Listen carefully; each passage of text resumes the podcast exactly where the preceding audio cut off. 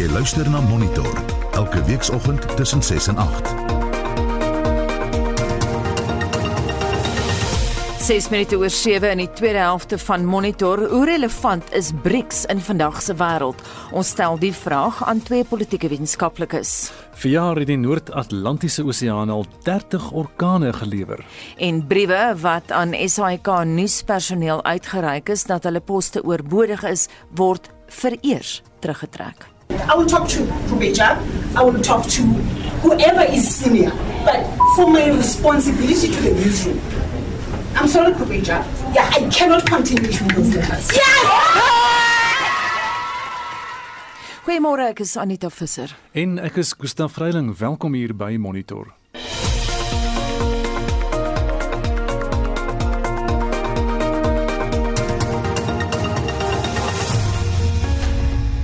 Terug na een van ons hoofstories, die SAIK se nuusgroepshoof, Patiswa Magopeni, sê sy kan nie onder die huidige omstandighede briewe aan nuuspersoneel uitreik dat hulle poste oortollig is nie. Dit volg na 'n vergadering tussen personeel en bestuur gistermiddag by die SAIK se hoofkantoor in Auckland Park. This ship, we were here way before, sir, you were even appointed to come here. We have been keeping this ship alive. Oh, yes. We worked during coronavirus. We were in wards Every day. every day with people who have contracted coronavirus. Die eerste afleggingsbriewe is Dinsdag deur sommige SAIK personeellede ontvang. Dit het gelei tot frustrasie en 'n emosionele vergadering wat gister in die nuuskantoor in Auckland Park gehou is. Hier kan insette gehoor word van senior verslaggewer Griselda Loos, bulletinskrywer Joe Mansia en verslaggewer Maslako Kumane. Sis Pat, no, no. No, yeah. When you came here, this is not what we expected from you. No. We have great admiration for you in the journalism industry in this country. Don't let these people do this to you. You can't blame this. The Jimmy Matthews of this world came, revered journalists in this country. Don't blame these people. Circumstances, They are misled. circumstances. Where are those people today? Go, leave us to do our work. We kept this organization alive. You know nothing of the hell we have been through in this place. When when they raised money for us and took it back, we worked. How much more sacrifice must we make for SABC to recognize us, our value? They, I honestly think you must be the first to go and give yourselves letters because that means you have failed us. When you came here, we were we were SABC when we were hoping good things will become better. You came here with your high qualifications. We said nothing. We said we bow to your leadership. We actually all of you should be here, including people that do sales because that's where we make our money. But to come give us redundancy letters, where's yours? And if the press is not okay, who's responsible for the press? Die SAIK bestuur het toegegee dat die afdeling 189 proses nie deur behoorlike konsultasie voorafgegaan is nie. Die SAIK se bedryfshoof Ian Plaatjies. of negotiations, the union still failed to produce one alternative or one criteria for us to use. It was a delaying tactic that they used to just drag the process on. And I said it to them and I'll say it again they failed their members in doing that. Die SAIK se groephoof vir nuus, Patiswa Magopeni, het na afloop van die emosionele pleidooi deur personeellede gesê sy sal die uitreiking van afleggingsbriewe aan nuuspersoneel met onmiddellike effek staak. Sy het ook voorgenem om die briewe wat reeds aan sommige personeellede uitgereik is, terug te trek. Sy het die aankondiging gemaak nadat personeellede daarop aangedring het om 'n vergadering met die topbestuur te belê om kwessies rondom die voorgelegde afdankingsproses te bespreek. I will go and negotiate it afterwards. But at this point, for the work of the public service to continue, I will, I will talk to Kubeja. I will talk to whoever is senior. But for my responsibility to the newsroom, I'm sorry, Kubeja. Yeah, I cannot continue issuing those letters. Dit is tydelike verligting vir personeellede in die nuuskantoor, maar tyd sal leer of Magopeni se belofte die werke van personeellede sal kan waarborg. Die verslag is saamgestel deur Noma Bolani en ek is Estie de Klerk vir SAK nuus. Dis nou kwart oor 7 hier by Monitor op RSG. En president Cyril Ramaphosa was een van die deelnemers aan gister se 12de BRICS-beraad. Verjaar se tema was 'n vennootskap vir stabiliteit, gedeelde veiligheid en innovering. BRICS verteenwoordig 42% van die wêreld se bevolking en 30% van die wêreld se bruto binnelandse produk. Maar hoe relevant is BRICS in vandag se wêreld? Nou ons stel die vraag vanoggend aan die politieke wetenskaplikes professor Dirk Kotse van Unisa. Môre Dirk. Goeiemôre Anita. En Dr Ina Gous van die Universiteit van die Vrystaat se Departement Politieke Studies en Regeringskunde. Môre Ina. Goeiemôre. En dan kom ons begin by jou. Hoe relevant is BRICS vandag? Ah, as jy lande vra dan sal hulle sê baie. Ehm um, uh, daar is vir die aard van die saak en ongelukkig moet mense luister na ehm um, ehm um, maatskappye so Standard & Poor's wat gesê het dat Brasilië en Rusland en Indië en China en Suid-Afrika as ekonomiese groepering al relevantie verloor het weens die uiteenlopende projek wat hulle het. Ehm um, die beter as geprojekteerde ekonomiese prestasie van China en Indië die afgelope twee dekades staan in kontras met teleurstelling die ander drie lande. Ehm um, so China en Indië het 'n stabiele ekonomiese groei uh, beleid In Ina, uh, ons kan jou nie hoor nie. Ons gaan jou dalk weer op jou landlyn moet bel want die foon doen weer wat hy altyd doen. Hy maak sulke geluide. Ons gaan intussen met Dirk verder. Dirk, die idee van 'n BRICS-groepering strek terug na Junie 2006, maar dit eers as 'n liggaam begin funksioneer in 2009. Watter doelwitte is daar toe nou intussen vermag, dink jy? Ek dink die belangrikste ehm um, prestasie van die van BRICS-groepering is die nuwe on ontwikkelingsbank wat uh, wat gevorm is. Ehm um, dit is in 'n groot mate bedoel as 'n alternatief vir die IMF en die Wêreldbank. Die die oorspronklike doelwit van van BRICS uh, nog selfs voor Suid-Afrika in 2010 en dit 2010 deel daarvan geword het was om 'n alternatiewe finansiële stelsel tot stand te bring veral om 'n uh, alternatief vir die dollar as die globale reserve uh, uh, geldeenheid te probeer tot stand bring. Nou dit het hulle nog nie reg gekry nie.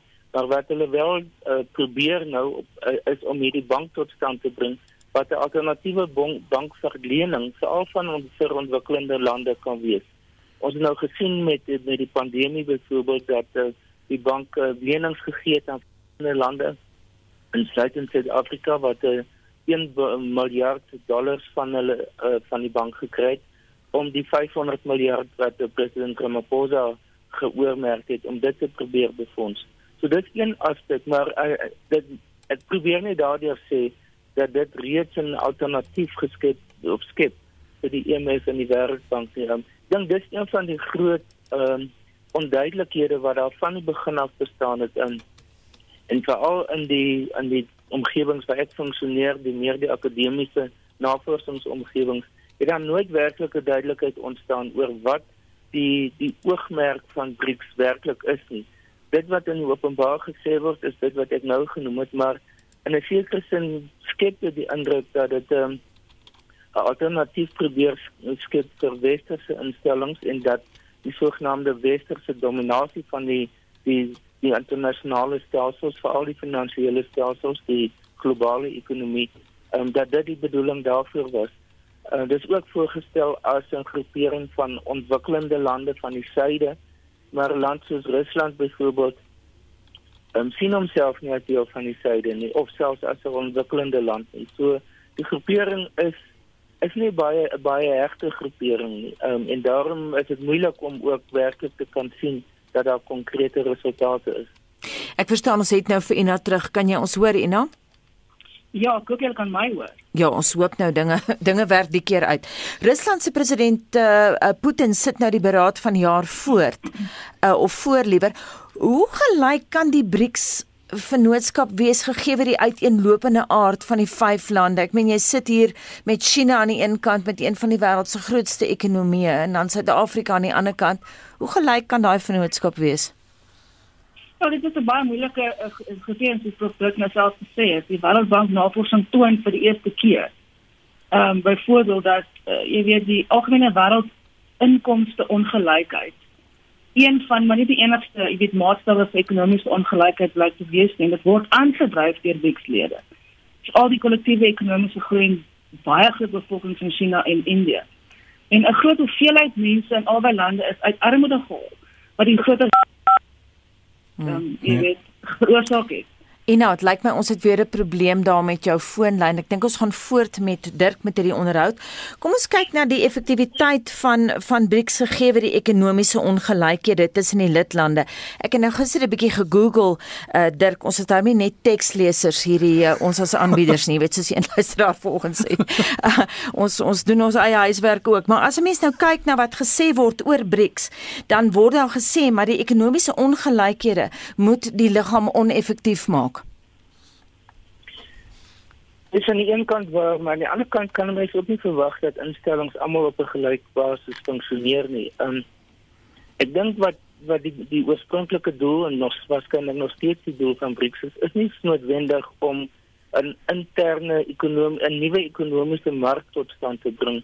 'n 'n vrye ekonomiese mark wat op wat dan moet aanneem dat die par, uh, die partye of die lede naaste by dieselfde vlak kan funksioneer nie. Um, Die een ding wat ons moet onthou is is dat al die lede het ook hulle eie ander groeperings waarna hulle funksioneer. Byvoorbeeld Brasilië funksioneer ook in Mercosur, die ekonomiese gemeenskap van uh, Suid-Amerikaanse state of Latyn-Amerikaanse state. Suid-Afrika is deel van SADC. Suid-Afrika is ook deel van die Afrika Unie. Suid-Afrika is ook deel van die die uh, Statebond. Um, in die geval van China is hulle ook deel van groeperings in die ooste en Rusland dieselfde. So dit is dit is dit funksioneer op een waar daar daar 'n mate van samehorigheid en solidariteit probeer geskep word tussen verskillende verskillende leidende state in hulle eie streke. Ehm um, en ek dink dit is die die simboliek van hierdie groepering is is meer belangrik as die werklike dag tot dag kontak wat tussen die verskillende lande bestaan want daar is ook baie spanning in in in BRICS. Hmm. Byvoorbeeld die verhouding tussen Indië en China is 'n baie baie groot kopseer binne die die BRICS konteks op die oomblik. En dit maak eintlik dit op 'n politieke vlak baie moeilik vir BRICS om te kan funksioneer. En omdat uh, Indië aktief op die oomblik besig is om te kompeteer teen China, byvoorbeeld iets soos TikTok, uh, een van hierdie sosiale media uh, platforms is verbied nou um, in Indië. Um, en dit beteken dat die gemeenskaplikheid tussen die die vyf verskillende lande op sommige vlakke net nie bestaan nie. Uh die die die probleem oor sekuriteitssamewerking tussen Indië en China byvoorbeeld is is hoogs gekompliseer. En um, so ek sê dis hoekom ek probeer nie dat ons moet verstaan dat die verhouding bin, binne uh, BRICS is nie noodwendig geharmoniseer nie. Maar dis een wat op 'n simboliese vlak probeer om te sê dit is ons moet nie net kyk na die Europese Unie en na NAVO en na die uh, Noord-Atlantiese uh, alliansie wat daar bestaan as die kern van die wêreldgemeenskap nie. Ina ons hoor jy is terug ons gaan nog eens een keer probeer en kyk of ons jou kan hoor en vir jou hierdie vraag vra hoe belangrik is Suid-Afrika se teenwoordigheid in BRICS en hoe vergelyk Suid-Afrika met Brasilië, Rusland, Indië en en China? Ehm um, ek gaan dit weer kort hou. Ehm um, Suid-Afrika se lidmaatskap rus op twee belangrike elemente. Uh die behoefte aan politieke teenwoordiging in Afrika met Afrika wat hom as die ideale kandidaat posisioneer van wese lidmaatskap aan die G20 as enigste Afrika land onder die en dan sy posisie as ekonomiese ingang na ander lande veral vir buitelandse direkte beleggings en deur uh, jy weet uh, ander ondernemings. Suid-Afrika het hom dus geposisioneer as 'n belangrike, miskien selfs onontbeerlike akteur vir die BRIC Afrika betrekkinge, maar daar is meer dingende uitdagings vir die Suid-Afrikaanse ekonomie onder andere die opkoms van ander Afrika markte wat homself ook as poortpunt in Afrika posisioneer en hulle regulasies en infrastruktuur stroomlyn om beleggings te lok wat ons laat blyklik moeilik vind om te doen. Mm. Dirk, Vanjaar se tema is 'n vennootskap vir stabiliteit, gedeelde veiligheid en innovering. Daar is nou 'n plan vir 'n gedeelde strategie om terreur te beveg, maar is 'n oorhoofse strategie haalbaar gegee die uiteenlopende geopolitiese aard van die vyf lande? Ja, dis wat ek nou net van tevore genoem het, dink ek stel die konteks waarbinne dit wys dat dit problematies is BRICS op sigself is nie eintlik 'n instelling wat werklik op sekuriteitsaspekte konsentreer nie. Ehm um, ek het eendag met 'n 'n vloot appelsy van Indië gepraat hieroor en hy het gesê India byvoorbeeld gee baie meer waarde aan IPSA wat beteken wat India, Brasilië en Suid-Afrika is. Dis 'n ander groepering wat bestaan waarin die die sekuriteits- en veral militêre uh, samewerking baie meer prominent is. So ek dink mense moet na Brasilië kyk en ag op uh, BRICS kyk in terme van byvoorbeeld militêre samewerking of selfs polisie samewerking of intelligensie samewerking. BRICS is in die eerste instansie gevorm as 'n ekonomiese forum. Um, en ek ek dink mense moet ook die konteks verstaan dis in 2009 in gevorm net na die 2008 resessie wat begin hmm. plaasvind. So in 'n groot mate was dit 'n reaksie daarop en om te probeer om 'n nuwe platform te skep vir 'n ekonomiese herstelplan. Ehm um, wat wat deur hierdie groepering dan gedryf sou word. Ina uh, Dirk het nou gepraat daarvan van die ekonomiese groepering of die ekonomiese vennootskap. Daar word nou gepraat van 'n hersiende strategie vir die ekonomiese vennootskap. Wat kan ons verwag?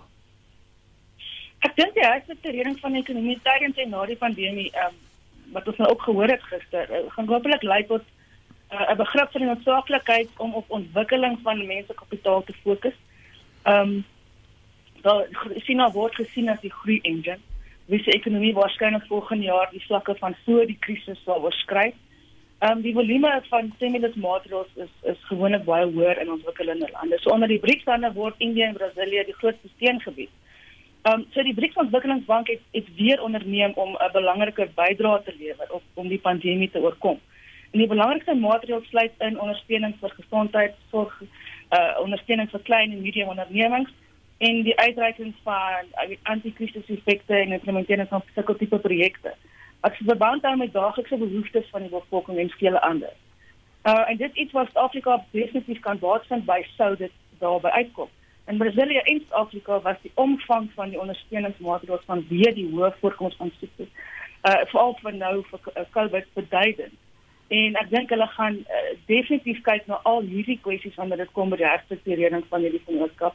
Uh, dit gaan alles gaan rondom 'n post-COVID situasie. Mhm. Mm Dirk, voorsien jy dat BRICS in 10 jaar se tyd gaan bestaan? Ek wonder daaroor. Ek ek is nie 100% seker dat dit iets is wat 'n werklike langtermyn ehm um, doelwitte kan uiteindelik dien. Dit gaan baie afhang van die interne verhoudinge tussen die verskillende lande.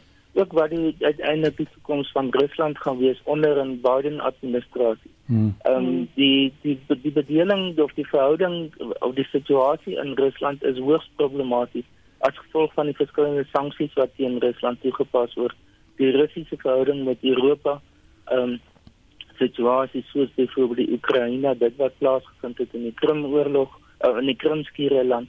Ehm um, en dit gaan bepaal of daar wel uiteindelik 'n verhouding kan wees tussen 'n uh, interne verhouding, 'n standhoudende verhouding binne BRICS kan wees. En want as dit besig is om problematies te word, gaan dit byvoorbeeld vir Suid-Afrika en Indië wat ehm um, of of in in Brasilië gaan dit baie moeilik wees om te bepaal tot watter mate hulle uh hierdie regte verhouding met byvoorbeeld 'n land soos soos Rusland kan hê. Dieselfde geld in 'n groot mate vir China. En as jy mens regtig eerlik moet wees, is BRICS in 'n groot mate die idee van China. Uh dit is waar die, die idee ontstaan het en dit is eintlik 'n meganisme wat China probeer gebruik om multilaterale uh, verhoudings te probeer stimuleer en om die Chinese idee op 'n groter vlak op 'n hoër vlak internasionaal te plaas. So dit dit is alles aspekte wat of faktore wat ek dink wat gaan bepaal of of BRICS werklik in die toekoms 'n groter rol kan speel. Ehm die die ander belangrike faktor wat besprake gaan kom is wat gaan die G20 groepering doen? Want in 'n sekere sin en en miskien selfs die G7. Ehm um, want uh, BRICS in die mate is 'n is, is 'n duplisering van 'n gedeelte van die, die G20 um, en as die G20 groepering meer effektief kan word, um, want daar is ook binne die G20 is daar 'n subgroepering van die ontwikkelende markte. Um, as hulle meer prominent kan word, um, dan gaan die vraag word maar tot watter mate het BRICS nog 'n bestaansreg van sy eie. Dirk, ek wil vinnig juist vir jou vra daaroor jou opinie of Suid-Afrika 'n natuurlike tuiste vind in BRICS. Jy het nou jy het nou vroeër verwys na IPSA en of ons ehm um, meer natuurlik vergelyk met lande, ander ontwikkelde lande soos Turkye byvoorbeeld. Ja, daar is 'n ander groepering met die naam van MINT. Um, en dit bestaan uit um, Mexico en Indonesië, Nigerië en Turkye. En ek dink Suid-Afrika in 'n groot mate gaan amper meer natuurlik uh wat vind of of inpas by so 'n groepering want dit is lande wat meer die ontwikkelende lande is, die opkomende ekonomieë is. En ek dink dis waar die Suid-Afrikaanse belange in 'n groot mate beter gaan inpas as een moet sê maar byvoorbeeld China wat die tweede of sommige sê die eerste groot die grootste ekonomie in die wêreld is en waar die ongelykheid net hopeloos te groot is. Dirk baie dankie. Dit was professor Dirk Kotse van Unisa en ook Dr Ina Gous op die ouend van die Universiteit van die Vrystaatse Departement van Politieke Studies en Regeringskunde. Jy luister na Monitor elke weekoggend tussen 6 en 8. Dis half 8 en in die nuus taxi-pendelaars sal na verwagting vandag gestrand wees weens 'n staking deur taxi-operateurs oor die regering se COVID-19 verligtingfonds. Klimaatkundiges beweer orkane in die Noord-Atlantiese Oseaan neem toe in sterkte en kwantiteit vanweë aardverwarming. En adjunk hoofregter Raymond Zondo sal vanoggend bekend maak of hy hom aan die staatskapingskommissie sal onttrek met die oog op die vorige president Jacob Zuma se getuienis. Bly by ons. Vincent, hoe lyk ons terugvoer? Anita ons praat vandag oor Suid-Afrika se amptelike inskrywing vir die 93ste Oscar toekenning Stoorbos en ons wil by ons luisteraars weet, kyk hulle deesdae meer Suid-Afrikaanse rolprente op televisie, aanlyn platforms en selfs in fliekteaters nog en wat is hulle gunsteling plaaslike fliek ooit in enige taal? Anne Marie Jansen sê vir ons, wie onthou my broer se bril? Regter riller, ek wens ek kan dit weer sien. Ander luisteraars skryf op ons SMS lyn Out of Africa met Robert um, Redford en Meryl Streep bly immergroen. Die die tema is steeds relevant ten opsigte van Europese ontwikkeling in Afrika. Die wildstrope wat immigreer in Kenja is asemrowend. Ander luisteraars skryf vir ons ek soek lank al vir hierdie hysteriese komedie The Angel, The Bicycle and China Man's Finger. Dan tot vir Elisabeth van uit Durban wat vir ons skryf, Tina Makolanders met Hans Strydom was op Pykereeks asook 'n um, verspeelde lente met Elise Kaywood as Popularu. Cecilia Massain Ferrara sê haar gunsteling fliek is Die Wonderwerker en dan sê Rex Bester vir ons Vila se kind met Charlene Sophie Richards. Ons het vir Grant Julius wat sê ek kyk baie graag na Afrikaanse films soos Suidooster en Billelanders en dan het ons vir Gwyneth Holthuizen wat wat vir ons sommer haar gunsteling lysie gegee het. Nommer 1 op haar lys is Debbie. Sal dit sy sê sy sal dit oor en oor kyk in hakkies. Nommer 2 is Vila se kind en dan die derde is The Gods Must Be Crazy. Gerda van Heerden skryf vir ons sou van alle Afrikaanse flieks in Engels was um, Rich Man Poor Man Dallas en Thornbirds my groot gunsteling sê sy en sy sal graag 'n herhaling daarvan wil sien. So laaste een van Bets Ferreira wat vir ons skryf, ons ondersteun graag Afrikaanse films. Van die bestes was Fans Trein, Paljas, Belade, Wonderwerker, Roepman en vele meer. Ons groot gunsteling van alle tye sê sy is Shawshank Redemption. Ons luisteraars kan dan verder hulle menings vir ons stuur. Ons wil weet wat is jou gunsteling plaaslike fliek ooit in enige taal? Stuur vir ons graag jou SMS by 45889. 'n SMS kos R1.50 of deel 'n mening met ons op ons Facebookblad by facebook.com vorentoe skynstreep ZARSG of stuur vir ons 'n stemnota op WhatsApp en daardie nommer is 076 536 6961 076 536 6961 Dis nou 24 minute voor 8 uur by Monitor op RSG. En tot dusver vir jaar het die Noord-Atlantiese Oseaan al 30 orkane gelewer. Twee meer as 2005 se rekordgetal. Klimaatkundiges beweer die storms neem toe in sterkte en ook in kwantiteit vanweë aardverwarming. Nou van dese week het orkaan Iota 'n kategorie 5 storm in Nicaragua aangekom. Daar duisende inwoners van laagliggende gebiede in Nicaragua, Honduras en Guatemala het hulle wonings onderruim te midde van waarskuwings deur die Amerikaanse Nasionale Orkaansentrum dat die ergste nog lank nie verby is nie. Vir meer hieroor praat ons nou met 'n weerkundige van Akademia, Hannes Rautenbach. Môre Hannes. Goeiemôre Anita. Hannes net vir die leek, hoe word 'n orkaan gevorm? Ja, Anita, dit is interessant. Uh, jy het genoem dat daar 30 orkane hierdie jaar was en daar is net 26 letters in die alfabet. Uh, dit is min dat die dat die letters uithardloop van die name word ons gegee volgens die letters in die alfabet en hmm. die mense moet oorgaan na die Griekse alfabet toe.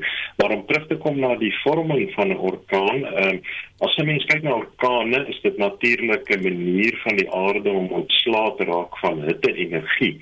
Uh, dit is 'n manier hoe die hitte opgeneem word in die atmosfeer en dan die atmosfeer verlaat sodat ons 'n balans kan vorm.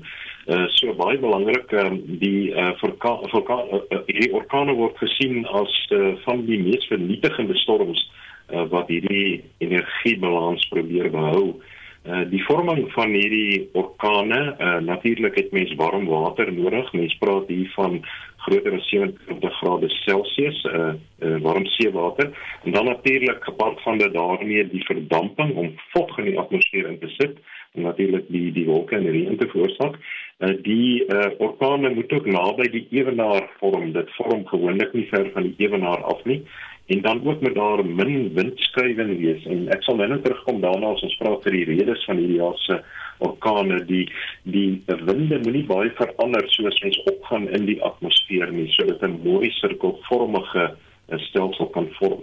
Nou wanneer mens kyk na die ontwikkeling uh, van die orkane hier uh, wat nou die VSA beïnvloed, hierdie orkane ontwikkel sig op die ewenaar hier in die Atlantiese Oseaan hier uh, net diskant Afrika en dan as gevolg van die Noord-Atlantiese hoëdrukstel wat kloksgewys roteer uh word hierdie orkane uh oos uh weet um weswaarts gevoer uh deur die passaatwinde en dan bereik dit natuurlik die Karibiese See in die Golf van Mexiko en uh veroorsaak al hierdie skade waarvan hulle gepraat het. Hierdie goed beweeg normaalweg teen so 20 km/h uh teen die ewenaar af uh, na hierdie kus van uh die VSA.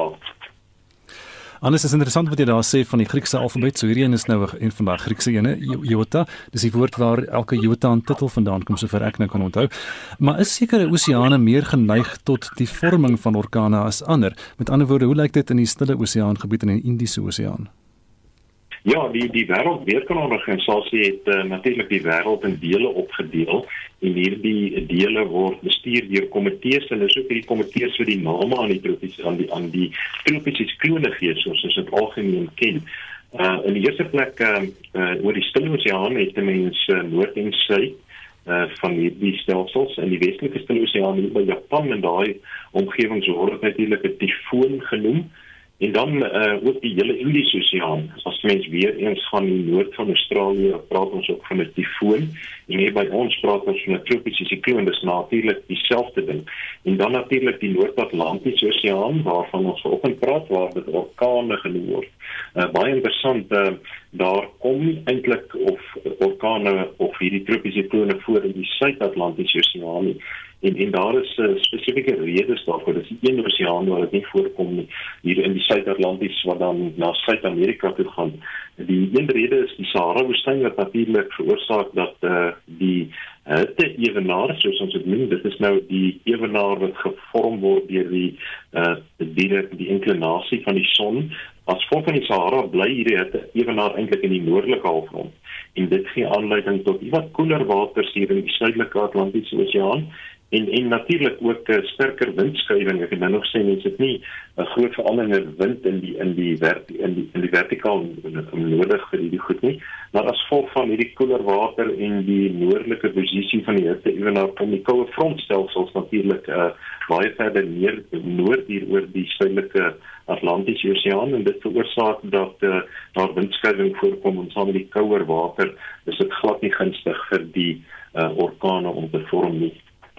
Hannes, hoe word die kategorie van 'n storm bepaal? Nou nie dan natuurlik ehm uh, mens kry natuurlik tropiese storms. Uh, dit daar praat mense van windspoede, die windspoed tot so groot as uh, uh 32 km/h. Maar sodra hierdie windspoed oorskry word, dan uh, begin ons uh, hier by 120 km/h praat van orkaan.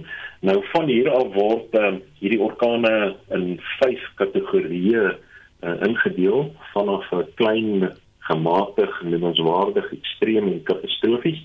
Uh, 'n Kategorie 5 is natuurlik die katastrofiese een uh, en dit word maar bepaal deur die windspoed wat gemeet word in hierdie orkane. En ek kan net noem dat 'n katastrofiese orkaan het 'n windspoed groter as 252 km/h En 'n mens kan maar net dink as jy jou hand by jou kar se venster in nou hmm. uithou en jy ry teen 120 km/h, uh, hoe sterk hierdie wind alreeds uh, waai, uh, die katastrofiese or orkaan het uh, twee keer uh, die windspoed uh, waar wat wat mens voel as jy 120 km/h in jou kar ry. So aansienlike sterk winde.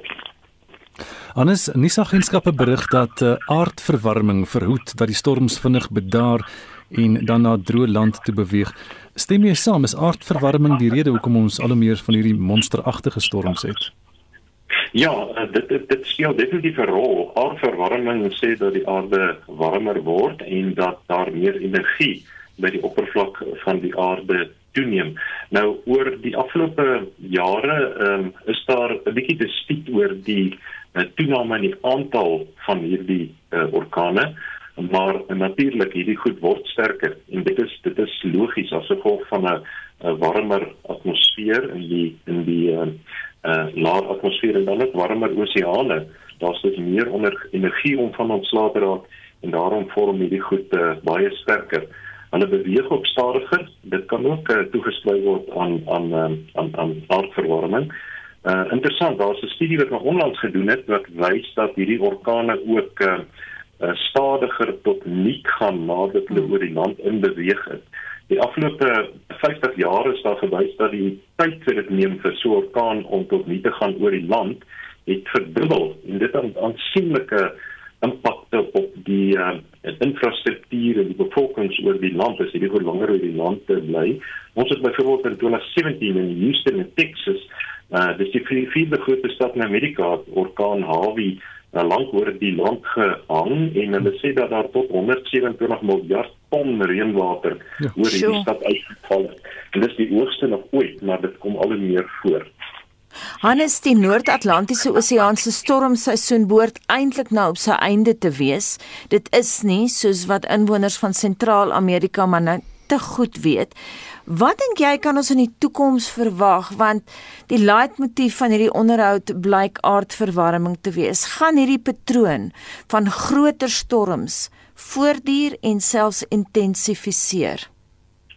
Ja, nie dan nie. Dis 'n plek van as mens van aardverwarming praat, natuurlik daar's hier 'n energie wat uh, ontslaag geraak moet word van en, en daarom sal uh, storms meer intensief word. Dit is die manier hoe die aarde ontslaag raak van die energie. Nou die om van die seisoen te praat hier in die Noord-Atlantiese Oseaan, ehm um, die seisoen is gewoonlik van Junie tot November. Nou ons is nou amper aan die einde van die seisoen en soos julle gesê 30 orkane, uh, dis twee meer as die 205 uh, 2005 rekord. Dis oor 'n periode van 170 jaar. Nou wat hierdie jaar uh, spesiaal maak, ons het 'n baie sterk La Nina uh in hmm. in die Stille Oseaan. Dit beteken dat uh, aan die ander kant van van Amerika het ons koue waters en hierdie koue water veroorsaak dat die straalstrome dit is nou hierdie baie sterk boligstrome wat gewoonlik suid voorkom noordwaarts skuif en dit veroorsaak dat ons hier oor die Noord-Atlantiese Oseaan uh, kalmer winde het uh, wat gunstig is uh, vir die vorming van hierdie um, uh, uh, orkane. Die tweede ding is ook uh, omdat mens koue water in die ander kant van Suid-Amerika het sink die die lug by van die bolig af oor hierdie gebiede en dit veroorsaak dat daar 'n uh, sterker neiging is dat die lug oplig hier oor die Noord-Atlantiese Oseaan. Uh, albei uh, gevalle word veroorsaak deur die La Nina geval wat ons nou hier in die in die Stille Oseaan het en en dit is hoekom ons hierdie groot toename in hierdie orkane het. Uh vir die toekoms dink ek hierdie goed gaan aanhou sterker word. Ons sal dalk minder sien soos wat daar El Niño's kom, maar elke La Niña jaar is die kans baie goed dat hierdie orkane sal toeneem. Anders, wat is die kans dat ons hier in Suid-Afrika ook so 'n verskynsel sal beleef? Ons sien baie keer op die weerkaart dat daar taamlike groot stelsels ontwikkel daar in suid van die Kaap en dan kom hulle dan by die Kaap van storms aan. Ja, die die die die ehm um, die tropiese sikloon tydperk oor oor Suid-Afrika die seisoen is hier van Januarie tot Maart, so dit kom nog. Uh wat hierdie jaar betref, ehm um, soos ek gesê het, die die La Nina gedeeltelik in die Stille Oseaan is maar ja uh verantwoordelik vir die uh die die baie orkane wat daar tans voorkom. Uh dit is natuurlik nou nie 'n direkte invloed hier oor ons gebied nie. As jy mens kyk na die waters hier oor die Indiese Oseaan, uh is die waters uh, bo normaal, so 'n bietjie warmer, so 2 grade warmer as normaalweg, so mens hierdie risiko dat daar weer van hierdie goed gaan weerkom. Natuurlik, ons is nie so blootgestel op hier in in in Suidelike Afrika uh aan hierdie goed nie omdat Madagaskar eintlik vir ons 'n bietjie beskerming bied, iets wat die mense in Amerika nie het nie. Uh en dan is ons bevolking ook bietjie laer in hierdie gebiede waar die goed voorkom, maar uh, daar is tog die risiko dat hierdie uh uh sterker tropiese siklone wel kan voorkom alhoewel hierdie jaar lyk na 'n meer redelike neutrale jaar hier in die Indiese Oseaan en ek sou sê die risiko is dalk nie so groot hierdie jaar nie. Net laastens, kan 'n mens die vorming van hierdie orkane hoe genaamd teenwerk? Ja, dis 'n goeie vraag want want hierdie orkane is natuurlik geweldig sterk en mens wonder of die mens ooit kan kan 'n uh, uh, invloed daarop hê. Daar is egter 'n um, 'n uh, 'n navorsing wat gedoen is en van die dinge wat mense oorweeg is, is om ysberge van die Arktiese See af te trek teen die kus van eh, Noord-Amerika van die VSA mm. tot die Golf van Mexico. Kyk, die ding is maar net dat mense die water so bietjie kouer maak as 27 grade om hierdie goed te voorkom. En dan uh, het die mense ook gepraat van uh, hulle wil sout bo op die wolke strooi van die orkane uh, om dit groter refleksie te gee en en dis met die hoop dat die hitte sal minder word en ook wolkbestrooiing om hierdie goed te bestrooi hier oor die Atlantiese Oseaan sodat die reën uitval voordat dit die land bereik. Maar die meeste interessante studie uh, word tans in Noorwe gedoen waar hulle daarna kyk om pype uh, diep in die see meer as 100 meter in te druk en dan borrels uit hierdie pype uit vry te laat wat hulle hoop die koue water dan sal opvat na die bokant van die oseaan en uh, dis die oseaantemperature so bietjie sal verminder. So dis een van die mees uh, interessante uh, studies en ook wat uh, hulle dink dalk kan werk. So ons kan dalk seker dinge in die toekoms sien uh en toegangs om hierdie orkane dalk uh, bietjie minder te maak en minder intensief en verwoestend te maak. Baie dankie en so sê weerkundige van Akademia Annes Rautenbach. Dis nou so 11 minute voor 8 is ingeskakel hier by Monitor op RSG en gepraat van die storm. Hier's 'n SMS wat ingekom het van 'n luisteraar wat sê stormsterk wind waai. Ek weet nou nie hoeveel kategorieë dit is nie. Stormsterk wind waai op die R44 pad by die Voelvlei Dam. Samuel Welters van Voelvlei Dam Gouda wat daai instuur. So wees versigtig as jy op daardie pad ry, die R44 vanoggend. Estie de Klerk is hier met wêreldnuus en ons begin in die FSA waar nuus net so wat 'n uur gelede bekend geword het dat president Donald Trump gesê het hy het 'n top verkiesingsamptenaar afgedank wat sy bewering van verkiesingsbedrog weerspreek het. Môre Estie. Môre Gustaf, Trump sê hy het die hoof van die kuberruim en infrastruktuur sekuriteitsagentskap CISA, Chris Krebs, afgedank vir sy hoogs onakkurate opmerkings oor verkiesingsintegriteit. Krebs is ook 'n voormalige Microsoft hoof. Hy was in beheer van CISA sedert die agentskap se ontstaan 2 jaar gelede. Terwyl Trump steeds weier om toe te gee dat hy die Amerikaanse verkiesing verloor het, het verkiesingsamptenare gesê vanjaar se stemproses was die veiligste nog in die Amerikaanse geskiedenis om teen potensiële kuberbedreigings te waak, werk SISA saam met staats- en plaaslike verkiesingsbeamptes en private ondernemings wat stemstelsels beskikbaar stel om die stemming oor die stembus en die kragnetwerk te monitor. Die BBC berig die Withuis se misnoë met Krebs is oor 'n SISA webwerf genaamd Rumor Control wat verkeerde inligting van die verkiesing ontmasker. Reuters berig dat die Withuis ontevrede was met 'n boodskap wat deur Krebs oor 'n samesweringsteorie oor die intelligensieagentskap se superrekenaar met die naam Hammer en Scorecard wat kwansys met die nasionale stemme sou peter maar Krebs en ander voormalige FSA amptenare het gesê dat daar nie so 'n stelsel bestaan nie. Kort voor sy afdanking het Krebs getweet in verband met die beweringe dat verkiesingsstelsels gemanipuleer was, stem 59 verkiesingssekuriteitskundiges almal saam dat die beweringe in elke geval ongegrond en tegnies onsamehangend is. Krebs het uitgevind hy is afgedank toe hy 'n tweet van Trump daaroor gelees het.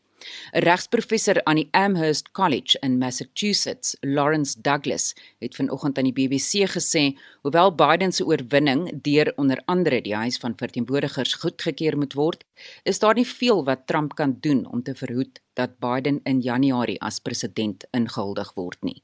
Something that Trump can do in the remaining period in office is he can certainly act in a vindictive manner, which I think is what we saw tonight with the sacking of Chris Krebs. I mean, this is a guy who, you know, was responsible for protecting the election infrastructure of our uh, nation and by all measures did a superb job of it.